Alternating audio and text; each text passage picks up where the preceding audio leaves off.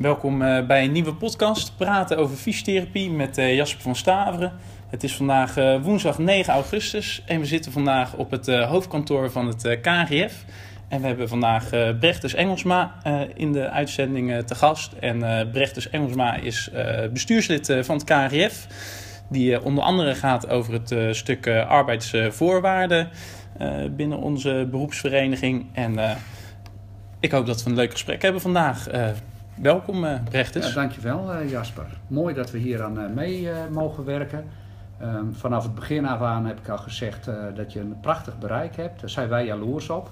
En dat nou, een jonge fysiotherapeut die intrinsiek gemotiveerd is, met podcasts aan de gang gaat, dan kunnen wij eigenlijk alleen maar wat van leren, denk ik.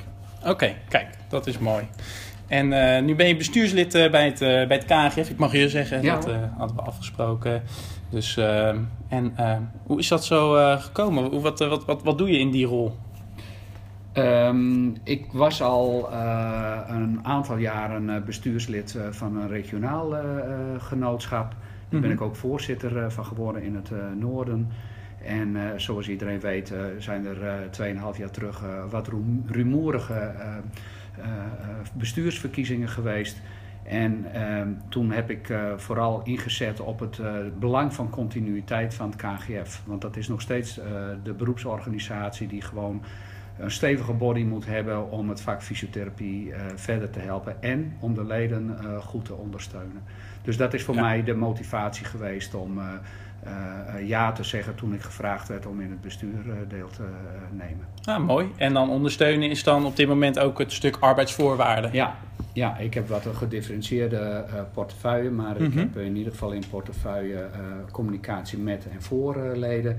En eh, eh, ik heb daarnaast eh, service aan leden in mijn eh, portefeuille. En ja, dan is het altijd even de vraag waar zit dan het hele verhaal rondom arbeidsvoorwaarden. Maar in ieder Mhm. geval eh, zit dat in mijn portefeuille op dit moment. Ja, ja. en eh, je hebt natuurlijk ook de voorgaande podcast eh, gehoord. Hè? Dat Ja. zijn er drie tot nu toe geweest. Hè? De eerste met de heer Patrick Rooyer, hè? advocaat gespecialiseerd in arbeidsrecht. Die iets, ja, iets verrassends toen vertelde, zeker over het variabele salaris.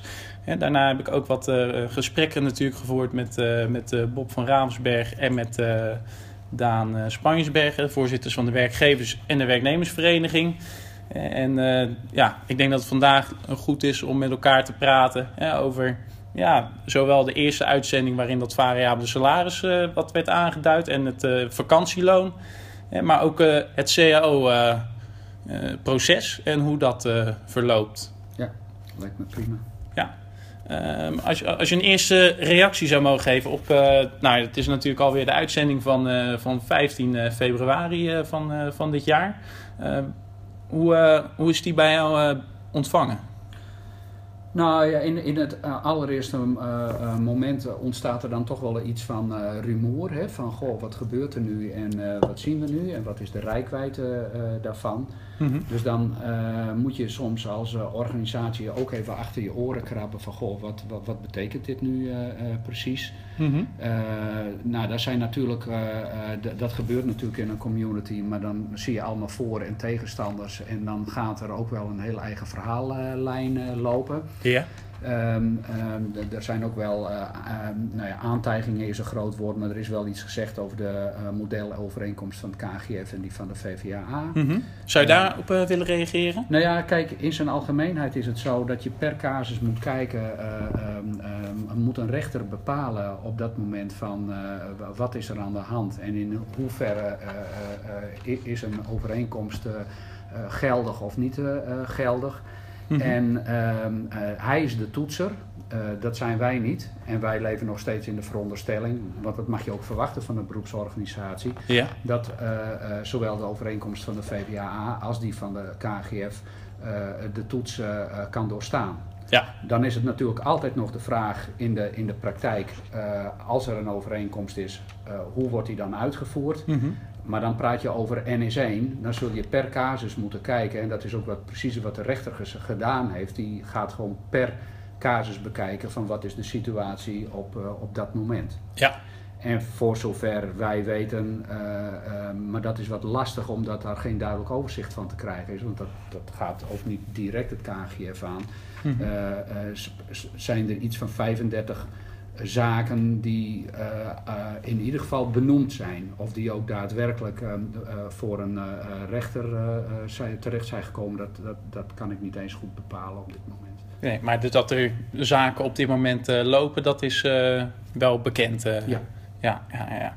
En daarbij hè, benoem je eigenlijk ook de moeilijkheid dat, uh, dat de omvang, hè, want, want uh, waar, waar we natuurlijk in de eerste uitzending hebben, over hebben gepraat, dat was natuurlijk inderdaad hè, één situatie, hè, één uitspraak van een rechter over één arbeidsovereenkomst. Mm -hmm. dat het eigenlijk dus heel moeilijk is om een beeld te krijgen of dat het nou over, over hoeveel arbeidsvoorwaarden het nu gaat. Kijk, wat er heel goed aan is, is geweest, uh, dat is in ieder geval dat het zowel werkgevers als werknemers nog een keer even op scherp gezet heeft. Van, mm -hmm. goh, als wij een overeenkomst met elkaar aangaan, uh, hebben we dan met elkaar wel de afspraken echt goed afgehecht. Uh, dus ik denk dat iedere werkgever echt wel even nagedacht heeft van verrek, hoe ziet nou precies mijn, mijn, mijn, mijn mijn voorwaarden eruit. Wat heb ik nu precies afgesproken?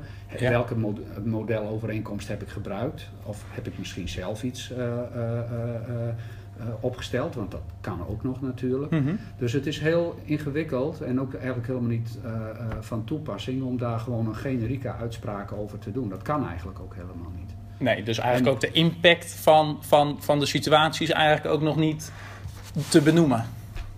Nee, nee. Alhoewel, ik ben een optimistische uh, mens en ik geloof er ook in dat zowel werkgevers als werknemers altijd een poging zullen doen om in gezamenlijkheid uh, te kijken van hoe je met elkaar door één deur kunt blijven gaan.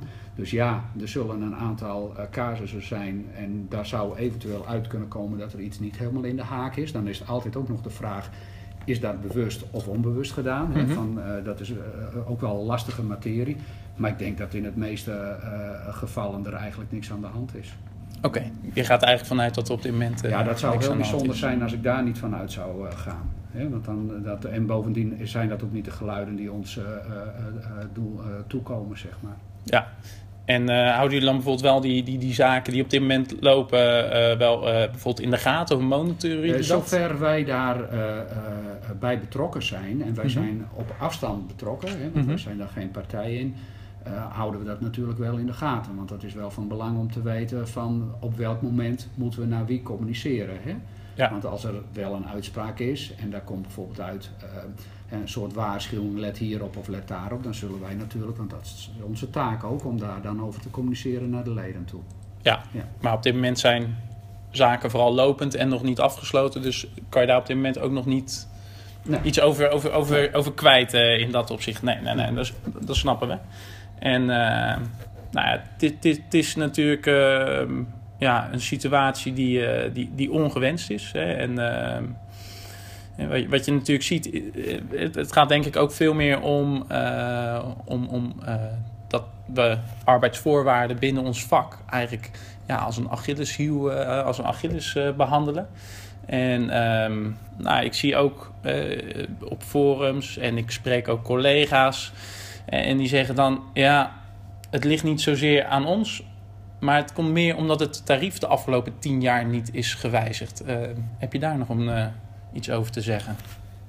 De, ik sta te boeken als een uh, genuanceerd mens, dus hier krijg je van mij ook toch een genuanceerd antwoord.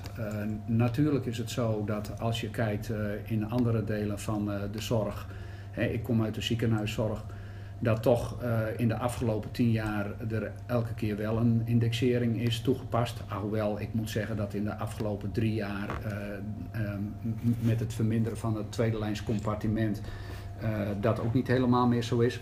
Mm -hmm. um, ja, natuurlijk is het zo dat het heel bijzonder is dat verzekeraars bijvoorbeeld zelf wel een indexering hanteren op hun lonen voor medewerkers. Ja. En dat dan ondertussen de tarieven die indexering daarin niet meegenomen is. Dus dat is wel een bijzondere constatering. Ja. Ik doe ook een andere constatering.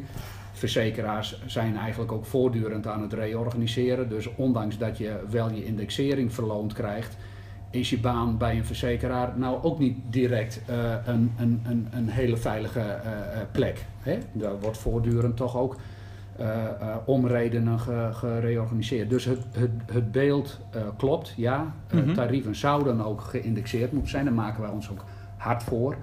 Um, maar wat veel belangrijker is, is dat uh, uh, de indexering zegt namelijk ook iets over dat er prijsstijgingen zijn. En dan kom ja. je eigenlijk veel meer uit bij kostprijzen.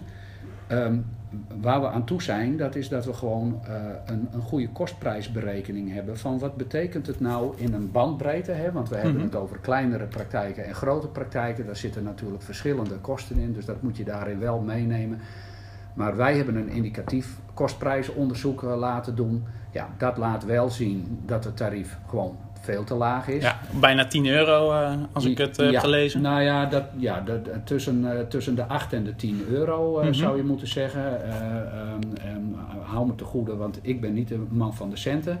Mm -hmm. um, maar het is, het is wel zo dat wij eigenlijk nu van nou ja, VWS of van de politiek, of eigenlijk is het de NZA die dat moet doen, zouden wij heel graag een kostprijsonderzoek willen hebben. Om nou te kijken van wat gebeurt er nu um, in de fysiotherapie, in de mm -hmm. breedste zin van het woord. Ja. En welke uh, kostprijs zou je moeten hanteren? Ja, dus daar moet uh, zeker nog wel wat extra aandacht ja, naartoe ja, gaan. Dat is voor ons ook een, een aandachtspunt. Ja, en maar ondertussen... En, en, ja? ja? Nou ja, en, en het genuanceerde is van... Um, we, we, moeten ook af van het idee van dat we een one-issue partij zijn, dat het alleen over een tariefreparatie gaat. Dat is mooi in het huidige systeem waarin we zitten, want daar zijn de tarieven, hè, de zittingen, dat is de beta betaalstructuur. Maar tegelijkertijd moet je natuurlijk kijken naar de BV Nederland en naar wat voor systeem willen we toe. Hè? We zitten ja. nu deels in de AV, deels in de BV. Maar um, moet je het niet veel meer hebben over um, um, uh, wat, wat, wat meer, nou ja, noem het maar, uh, DOT-achtige structuren, DBC-achtige structuren. Ja. Waarbij je wat afgaat van uh, het behandelen per indicatie, maar dat je gewoon wat meer gaat kijken naar, naar uitkomsten voor de mm -hmm. maatschappij. Hè? Van mm -hmm. wat is het rendement van een behandeling en wat levert dat op? Uh, Kunnen wij dat als, als, als, als, als nee, organisatie op dit moment goed genoeg echt aantonen? Hè? Want, want we hebben het er zelf vaak over, hè? Dat, dat we meerwaarde nou, zijn. Dat... Wij, op onderdelen, ik zeg nee, maar ik bedoel, we hebben daar alle andere partijen voor nodig. Want dat is een ombouw van het systeem zoals we het nu hebben. En dat, dat, dat, dat vergt ook politieke uh, moed. Mm -hmm. En ook wel uh, ausdauer, zeg ik er dan maar uh, bij. En dan zit je er toch mee. Kijk nu wat er in de politiek gebeurt. Ja, we zitten in, in termijnen van vier jaar te denken. Dus dat is nog wel, nou dat, dat speelt ons wel parten, zeg ik mm -hmm. dan maar eventjes. Mm -hmm. Maar volgens mij zijn er een heleboel partijen. En ik denk eigenlijk ook wel verzekeraars die wel nadenken over van goh, nou welk systeem zou je toe moeten. Hè? Ja. En, en uh, daar willen wij heel graag ook in meedenken. We zien natuurlijk ook al op regionaal niveau daar kleine voorbeelden van. Hè, van uh, waarin, ja, dan heet het dan ketenzorg en dan, dan, dan, ontstaat er een soort betaalstructuur. De vraag is of je dat uh, kunt extrapoleren naar de totale fysiotherapie of de totale mm -hmm. eerste paramedie. Dat, dat is de vraag.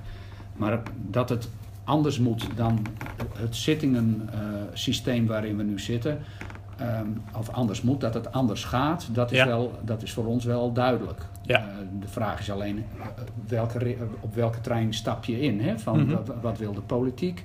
Uh, daar heb je alle partijen voor nodig. Ja. En dat zit natuurlijk voor een deel, zij het dat dat iets minder duidelijk omschreven is, maar in het bestuurlijk akkoord staat daar ook nadrukkelijk iets in hè, over het, het, onderzoeken van ja, hoe, hoe je naar een systeemombouw kunt gaan. En dan op jouw tweede vraag, want mm -hmm. jij vroeg mij van, kunnen wij dat dan goed genoeg? Ja, precies. Ja, wij kunnen op een heel aantal onderdelen nu aantonen wat de effectiviteit en de evidentie is. En die twee samen die vormen ook uh, um, nou, de, de drager voor zinnige en zuinige zorg. Mm -hmm. Ja, dus dat, dat kunnen wij. Wij zouden dat alleen graag wat generieker uh, willen, want nu uh, met het Zorginstituut moeten we eigenlijk per indicatie dan doen. Dat snappen wij ook wel, maar daarmee ontstaat wel een heel lang vertraagd uh, uh, verhaal. Hè? Ja. Van als je alle indicatiegebieden bij je af moet, nou, dat, dat betekent nog wel wat. Dan ben je nog wel even bezig Ja. inderdaad. Ja, En ja. Maar, maar het, het, het grootste voorbeeld nu op dit moment is natuurlijk artrose. Mhm. Hè, van eh Caljou heeft het vier, drie, vier jaar terug al gezegd. En het is eh, eh, eh, enige eh, weken terug nog een keer weer eh, eh, herhaald. Dat artrose naar de nabije toekomst toch wel echt een heel groot issue is. Nou, Mhm. We weten nu al dat het aantal orthopeden wat opgeleid wordt om allemaal eh, eh, replacements uit te voeren, dat dat niet eh, toereikend is. Mhm.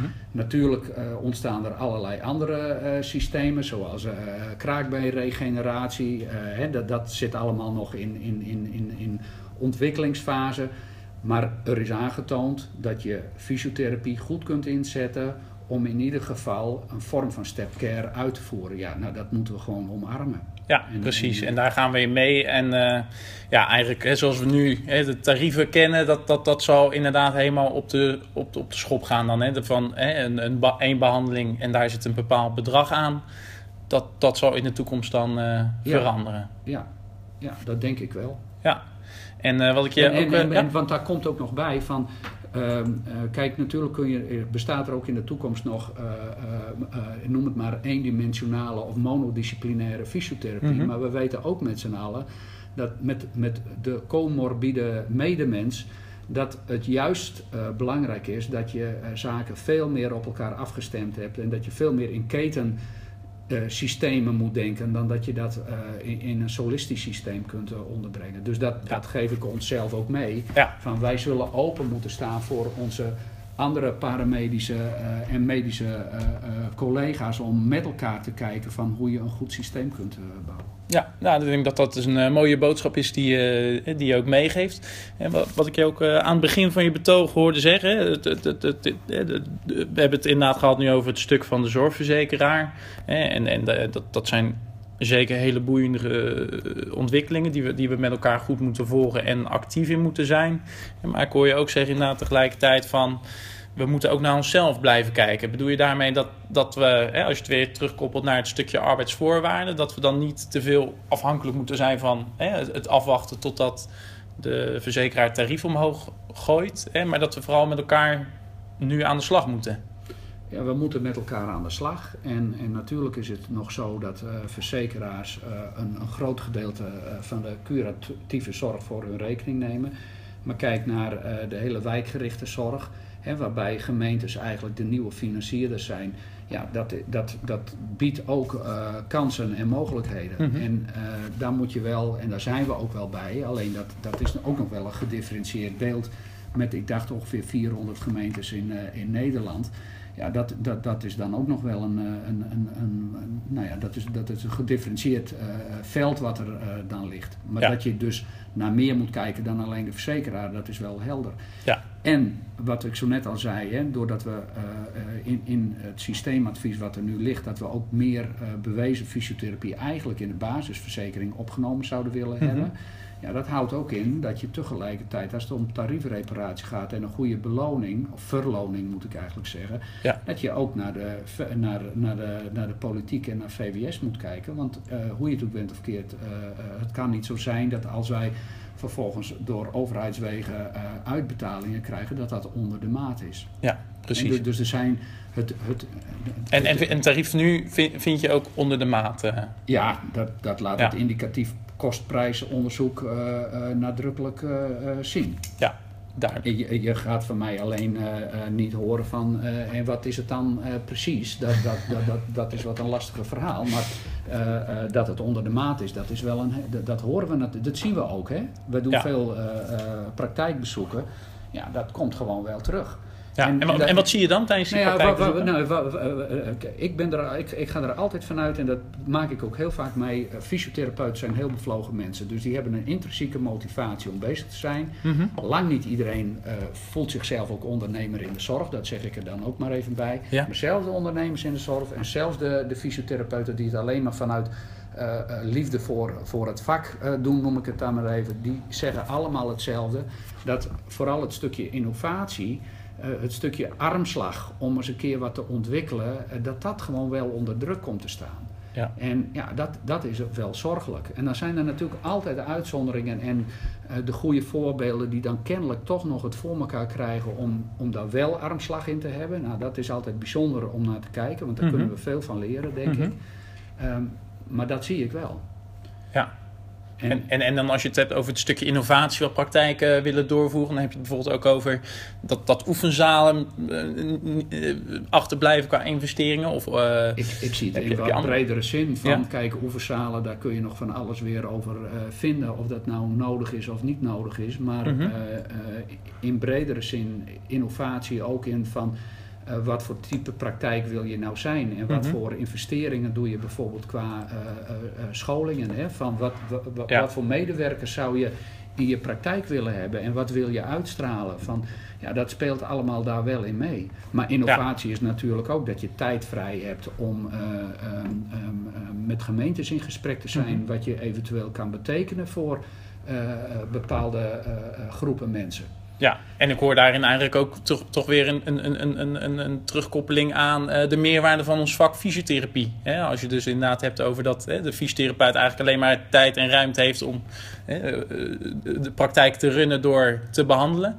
Ja, dan, dan, dan, ontbreekt het dus inderdaad aan overleg met gemeentes en aan scholing om de kwaliteit eh, nog hoger te krijgen. Ja, en, en dat heeft ook wel een beetje met, het, met, met, met toch wel de blauwdruk van fysiotherapeuten ook te maken. Wij zijn Mhm. natuurlijk doeners Ja. en wij zijn erg zorgverleners, dus wij zullen ook heel snel in die rol eh, eh, stappen. Dus er zijn ook wel andere redenen voor. Maar eh, ja, hoe je het ook bent verkeerd, om nu op een goede manier een boterham te verdienen, moet je gewoon 's ochtends vroeg je praktijk instappen. En eh, eh, aan het eind van de dag eh, de praktijk verlaten. En dat houdt niet automatisch in dat je heel veel tijd en ruimte hebt om dit soort zaken goed voor het voetlicht te krijgen. Ja, en dat zou op lange termijn dus schadelijk kunnen zijn voor ons vak. Ja, een vak moet altijd in beweging zijn. Dat moet je ook altijd verder evalueren. Nou, volgens Mhm. mij zijn we daar met z'n allen volop eh, mee bezig. Hè. Daar, daar worden we natuurlijk ook wel toe gedwongen door termen als zinnige en zuinige zorg. Eh, ehm, ehm, we hebben ook een domeindiscussie eh, lopen van wat vinden we nou binnen het vak horen en wat hoort misschien aanpalend aan het vak, maar zou je het niet meer fysiotherapie moeten noemen. Maar dat zijn allemaal wel eh, eh, zaken, daar moet je ook wel tijd en, en ruimte voor hebben. Ja. En, en dan zie je de automatische, eh, dan, dan ga je naar schaalvergroting. Nou, dat levert vaak heel veel op. Dat vinden verzekeraars ook heel lekker. Maar schaalvergroting houdt niet per definitie in dat daarmee je resultaat aan het eind van het jaar beter wordt. Hè? Dus de, de, Mhm. de- de- dat, ook dat is, een, een, een- dat, dat is wel een richting die je uit kan gaan, maar het is niet automatisch dat dat eh, ehm, ehm, nou, voor je praktijkvoering leidt tot eh, een beter resultaat. Daar sta je nog terughoudend in als dat Nou ja, dat, ik dat zie moet, daar hele eh, verschillende, ik zie ja. daar gewoon in de praktijk zie ik daar hele verschillende eh, eh, eh, eh, systemen of, of eh, eh, eh, voorbeelden van. Ja. Ja. Ja, duidelijk, duidelijk. En uh, nou hebben we het over, hè, nou, nou, nou benoem je ons uh, als fysiotherapeut uh, ook als, als doeners. Hè. Nou hebben we één ding de afgelopen 14 jaar niet gedaan. Hè, en dat is een CAO voor de vrijgevestigde praktijk. Ja. Uh, hoe kijk je daar tegenaan, uh, dat dat, uh, hoe dat, hoe, hoe dat er nu voor staat?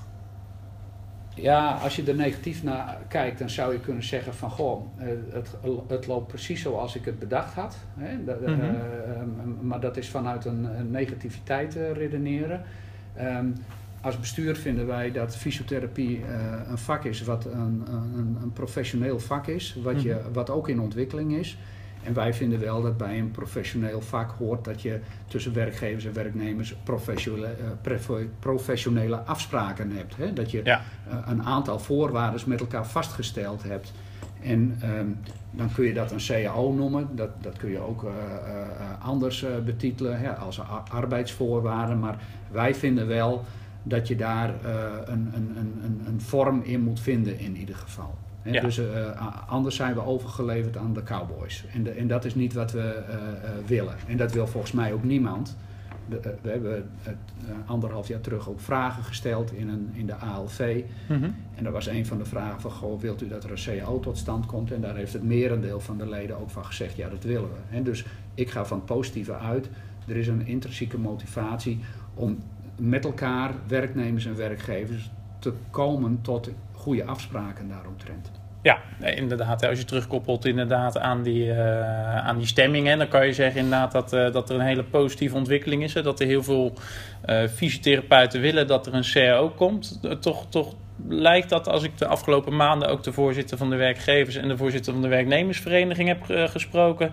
Ja, een, een ingewikkelde, ingewikkeldere zaak dan, uh, dan dat we hem helaas zo moeten schetsen. Uh, heb je daar een verklaring voor? Dat dat nou ja, zo jij zegt dat het een positieve ontwikkeling is. Ik denk dat het, uh, de intrinsieke motivatie van mensen is wel dat ze willen dat er goede arbeidsvoorwaarden zijn. Mm -hmm. um, de werkelijkheid is gewoon wel wat weer bastiger. Hè? Dan komen we wel weer terug bij de, de, kostprijzen. het staat allemaal wel onder druk. Ja. En um, het gaat niet snel genoeg in ieder geval. En het gaat zeker niet snel genoeg voor de werknemers die het gevoel hebben van goh, er is ons een wortel voorgehouden en nu gebeurt er gewoon weinig. Dus mm -hmm. dat, is, dat, is, dat, dat klopt wel. Dat is wel een, een ingewikkeld verhaal. Dus ik heb vanmiddag ook nog even nogmaals de podcast van Daan uh, gehoord. Ja, en die, die onderschrijf ik eigenlijk wel. Van, uh, daar moeten we nog wel uh, meters in gaan maken. Ja, en wat, wat is jouw ambitie daarin? Nou, kijk, wij hebben als KGF gezegd van uh, wij faciliteren. Dat doen wij mm -hmm. ook. ja, want jullie spelen geen nee. directe rol. Hè? Dat, nee. dat hebben we inderdaad ook in, dat, in de vorige podcast dat, dat, besproken. Dat, ja. dat is helder. Daar heeft Daan ook van gezegd, wij moeten die rol ook pakken als WVF. Um, maar we zullen nog wel met elkaar moeten gaan kijken van uh, hoe doen we die uh, communicatie en, en ook wel een klein beetje die acquisitie, of nee, een klein beetje, maar hoe doen we die acquisitie nu uh, beter, zodat bijvoorbeeld praktijkhouders die eigenlijk wel voor een CAO, hè, van wilt u dat er een CAO tot, tot stand gebracht wordt, ja gezegd hebben, maar hoe halen we het nu van de koudwatervrees af, dat er mm -hmm. gewoon straks twee serieuze partijen zijn die gewoon achterbannen vertegenwoordigen die gewoon um, met een mandaat wat nog vastgesteld moet worden door de leden, hè, de, door de leden van de werkgeversvereniging en de leden van de werknemersvereniging, ja. gaan er straks dan eventueel twee partijen met elkaar in gesprek. Um, om te kijken en te onderzoeken van hoe kunnen we nou tot een stelsel van afspraken uh, komen. Ja. Maar dus dat, dat is mijn ambitie, dat die situatie bereikt wordt. En die heb ik liever gisteren uh, uh, dan volgend jaar. Uh, de werkelijkheid is alleen wel van dat uh, we daar wel twee volwaardige verenigingen voor nodig hebben. En de FDV is op dit moment, kun je benoemen als een volwaardige vereniging. Met en, 6000 leden, ja. Ja, en, en, de, en, de, en de WVF is dat nu op dit moment nog niet. Nee, want die hebben leden, Geen als dat gaat op naar... dit moment. Nee, in ieder geval niet toereikend. Gaat, nee, niet, absoluut niet toereikend. Nee. nee. En dan hoor ik je ook een paar keer in het gesprek hebben dat je het graag hebt uh, over de intrinsieke motivatie. Hè? Dus, dus als je het hebt over acquisitie en dus ook de intrinsieke motivatie van de werkgever uh, aanspreken, dat die zich gaat aanmelden voor, uh, bij de werkgeversorganisatie. Ja.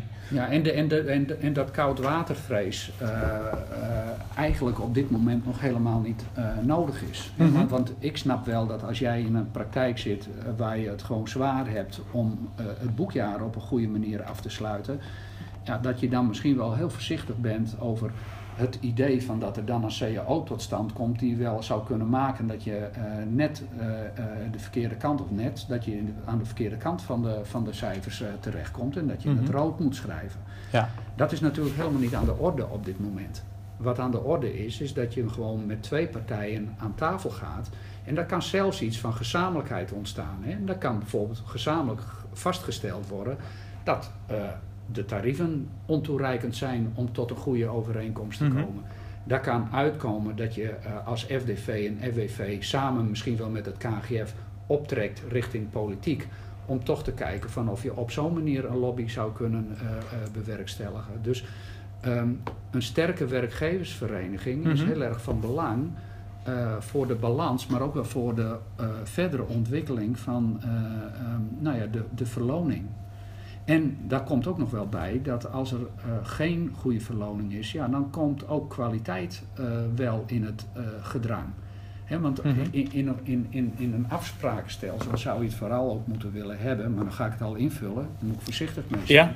Maar dat je het hebt over scholingsfaciliteiten en dergelijke. Dus um, maar daar heb je twee volwaardige partijen wel voor nodig. En ja, daar zijn we nu op dit moment nog niet in ieder geval. Nee, en wanneer dat wel te bereiken is, dat is ook... Ja, dat is nog wel een, dat is een zoektocht. Mm daar zullen we ook met de FWV over in gesprek uh, gaan. Uh, daar zijn we over in, over in gesprek van. En hoe gaan we nu die acquisitie dan wel zo doen? Dat we in ieder geval ehm, mensen um, appelleren aan hun intrinsieke motivatie. Ja. En, en ja, dat, dat, wordt een, dat, dat is wel een uitdaging. Daar moeten we gewoon eerlijk in, in zijn. Ja, en hoe dat gaat verlopen, daar gaan we natuurlijk ook in de komende podcast u als luisteraar over op de hoogte houden. Nog één stukje over een voordeel van het lidmaatschap van het KRIF. Heel veel leden zijn ja, soms per ongeluk lid of, of niet lid, want ze zeggen het KNGF doet voor mij te weinig. Hè? En dan zou ik graag even terug willen grijpen op ja, mensen die nu met een, een, een, moeizame arbeidsrelatie zitten of met arbeidsvoorwaarden waarvan ze niet weten, hè, zo werkgever als werk, hè, maar vooral de werknemer waarvan hij niet weet van ja, voldoet hij nou aan de juiste criteria? Uh, klopt het dat, dat je via het KGF daarvoor rechtsbijstand kan inschakelen als je daar lid van bent? Ja, als je lid bent kun je dat inschakelen, ja. En dus wat het KGF, dat is altijd al zo geweest en dat is tot op de dag van vandaag ook nog wel ingewikkeld van Um, hoe zet je jezelf op een goede manier in de etalage? Mm -hmm. uh, um, ja, dat, dat kost ons moeite. Dat kost in het verleden moeite, maar dat is nog steeds wel een, een ingewikkeld verhaal. Maar er is natuurlijk een heel aantal ledenvoordelen te noemen om, om lid te zijn. Uh, en dan praat je vooral over de, over de, de, de financiële mm -hmm. winst die je eruit kunt halen. Dan wel dat ja. het niet meteen in mat materiële zin uh, te, te, terug te verdienen is. Maar bijvoorbeeld rechtsbijstand is daar een voorbeeld uh, van. Ja, als je niet lid van het KGF bent en je hebt wel rechtsbijstand nodig, dan zul je een andere verzekering moeten afsluiten. En kan ik je wel vertellen dat die bij het KGF gemiddeld genomen goedkoper is. Ja. Maar, maar dat blijft uiteindelijk een hele rationele benadering inderdaad van waarom ja, je lid zou moeten zijn. Nee, ja. Maar dat geldt niet voor mijzelf. En ik heb toevallig mm -hmm. vorige week een collega aangenomen, uh, uh, overigens in de tweede lijn. Mm -hmm. En toen vroeg ik hem ook, uh, ben je ook KGF-lid? De jongen die moest een BIG-registratie nog binnenkrijgen. Ja, zei hij, natuurlijk ben ik lid van het KGF. En toen vroeg ik, goh, dan ben ik zo benieuwd van waarom jij daar, daar zo positief in staat. Ja. ja, hij zei, er is maar één beroepsorganisatie waar je uh, lid van kunt uh, zijn als je fysiotherapeut bent. En dat is gewoon het KGF. En met mm -hmm. elkaar maak je massa. Natuurlijk zijn er verschillen. Maar ik ben ervan overtuigd, zei hij, van dat het KGF uiteindelijk voor de positie van fysiotherapie gewoon van belang is. Ja. Uh, zonder dat hij dat heel erg duidde van wat hij daar dan precies aan uithaalde. was overigens een collega die ook al meteen nadacht over dat hij verder ging studeren. Maar uh, ja, dat is alleen maar prachtig om zulke jonge schoolverlaters uh, ook te zien. Ja, ik denk dat hij dat heel goed uh, heeft verwoord inderdaad. Hè. Maar helaas zie je ook vooral de andere kant. Hè. Dat, dat, dat, dat juist de onderzoeken die, hè, die, die zijn gedaan naar, hè, naar, naar uh, wat, wat, wat voelen mensen ook ja. met name bij het KNGF. Ja. Dat die betrokkenheid juist er bijna niet is.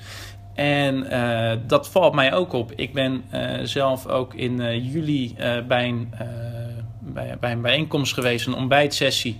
Die ging over arbeidsvoorwaarden. Hè. Uh, ja, een bijna uh, actueler uh, onderwerp op dit moment heb je niet. Omdat er heel veel mensen hè, in onzekerheid zitten, met vragen zitten rondom dat onderwerp. En van de, hè, van de regio Zuid-Holland was dat. En dan zijn er 1600 mensen uitgenodigd. We zaten daar met 10 mensen. Ja. Maar dit is natuurlijk, uh, uh, dit, dit, is ook het, het grote dilemma waar trouwens alle beroepsverenigingen, maar eigenlijk alle verenigingen in Nederland in het huidige tijdsgevricht ook wel last van hebben. Van mm -hmm. hoe bind je nou je leden? En wat heel erg opvalt, dat is dat alle scholingen heel erg uh, goed bezocht worden. Hè. Mensen zijn erg gretig. En, en, en, negatief gesteld zijn het sponsen, maar ze hebben de gretigheid om informatie op te halen. Nou, dat is natuurlijk prachtig. Maar op het moment dat het wat meer over de beleidsmatige zaken gaat, dan zie je dat mensen ja, toch vaak niet thuisgeven. Terwijl ze er over het algemeen wel een uh, mening over hebben. Altijd een mening. En, en, en uh, ik heb dat wel eens uh, de kunst van het verleiden genoemd. Hè. Dus mm -hmm. um, wij vinden ook oprecht, hè, we hebben nu het concilium ingericht. Daar is ook een student lid, lid van het concilium. De studenten, dat zijn onze collega's van de toekomst, die ook een sterke beroepsvereniging overeind moeten gaan houden. Dus wij moeten daar ook in investeren. Nou, dat doen we wel.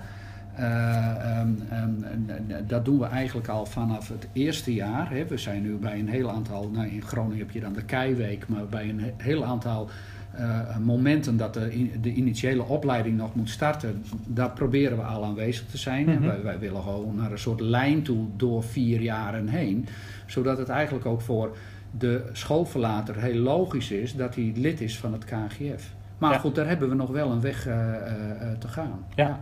Nou, de kunst van het verleiden. Dus als er over een paar jaar een onderzoek komt en daaruit blijkt dat de betrokkenheid omhoog is gegaan, dan heb je ze mooi verleid. Ja, ja, dan moeten we dat ook wel, ook dat moet je dan wel weer nuanceren, want het is mhm. niet een trucje wat je doet. Mhm. Wat je doet is dat je mensen in het begin over een soort drempel heen moet krijgen en dat je dan vervolgens de ogen moet openen van wat de meerwaarde is. En dat zij onderdeel zijn van die meerwaarde. Ja, precies. Ja. Heb je zelf nog iets wat je op het eh, einde van deze podcast nog even kwijt wil uh, aan onze luisteraars? Of aan, ook aan, jouw luisteraars in dit geval nu? Nee, nou, ik, ik heb dus vanmiddag nogmaals naar de podcast vandaan gehoord. En, en die zijn natuurlijk van blijf met elkaar in gesprek. Mhm. Dat ging over werkgevers en werknemers. Ik zie dat in een iets breder verband. Ehm, natuurlijk hebben wij heel veel diversiteit, maar het is heel belangrijk om met elkaar het over het vak te hebben. Hoef je het niet altijd eens te zijn, maar elk vak ontwikkelt zich. Maar juist input op de ontwikkeling van het vak hebben we nodig. En dan is het soms niet handig om alleen maar wat uh, te roepen, maar om dan ook actief dan wat uh, mee te doen. Zodat we met z'n allen ook een richting uh, kunnen bepalen op basis van wat mensen roepen. He, dus dus ik zou wat af willen van aannames en ik zou wat meer toe willen naar met elkaar ontwikkelen en, en voortbouwen. Ja, dat is een hele mooie boodschap inderdaad uh, die je meegeeft hierbij. Dus uh, blijf met elkaar in gesprek. Uh, ik wil je heel erg bedanken voor deze ontmoeting. ik vond het een heel mooi gesprek. Ik heb er alweer veel verder van geleerd. Hè? Ook over het stuk van ja, hoe, hoe, hoe gaat het met name... Hè? Het, het, we hebben het met name tot nu toe over het onderlinge stuk gehad. Hè? Tussen de werknemers en werkgevers. Maar ik vind het mooi dat je ook het bredere perspectief hebt genoemd, eh, waarin de zorgverzekeraars en, en, en, en, en, en eh, de overheid ook eh, betrokken is geraakt. Uh, bedankt voor dit gesprek. Uh, bedankt ook de luisteraars weer voor het luisteren. En tot de volgende keer.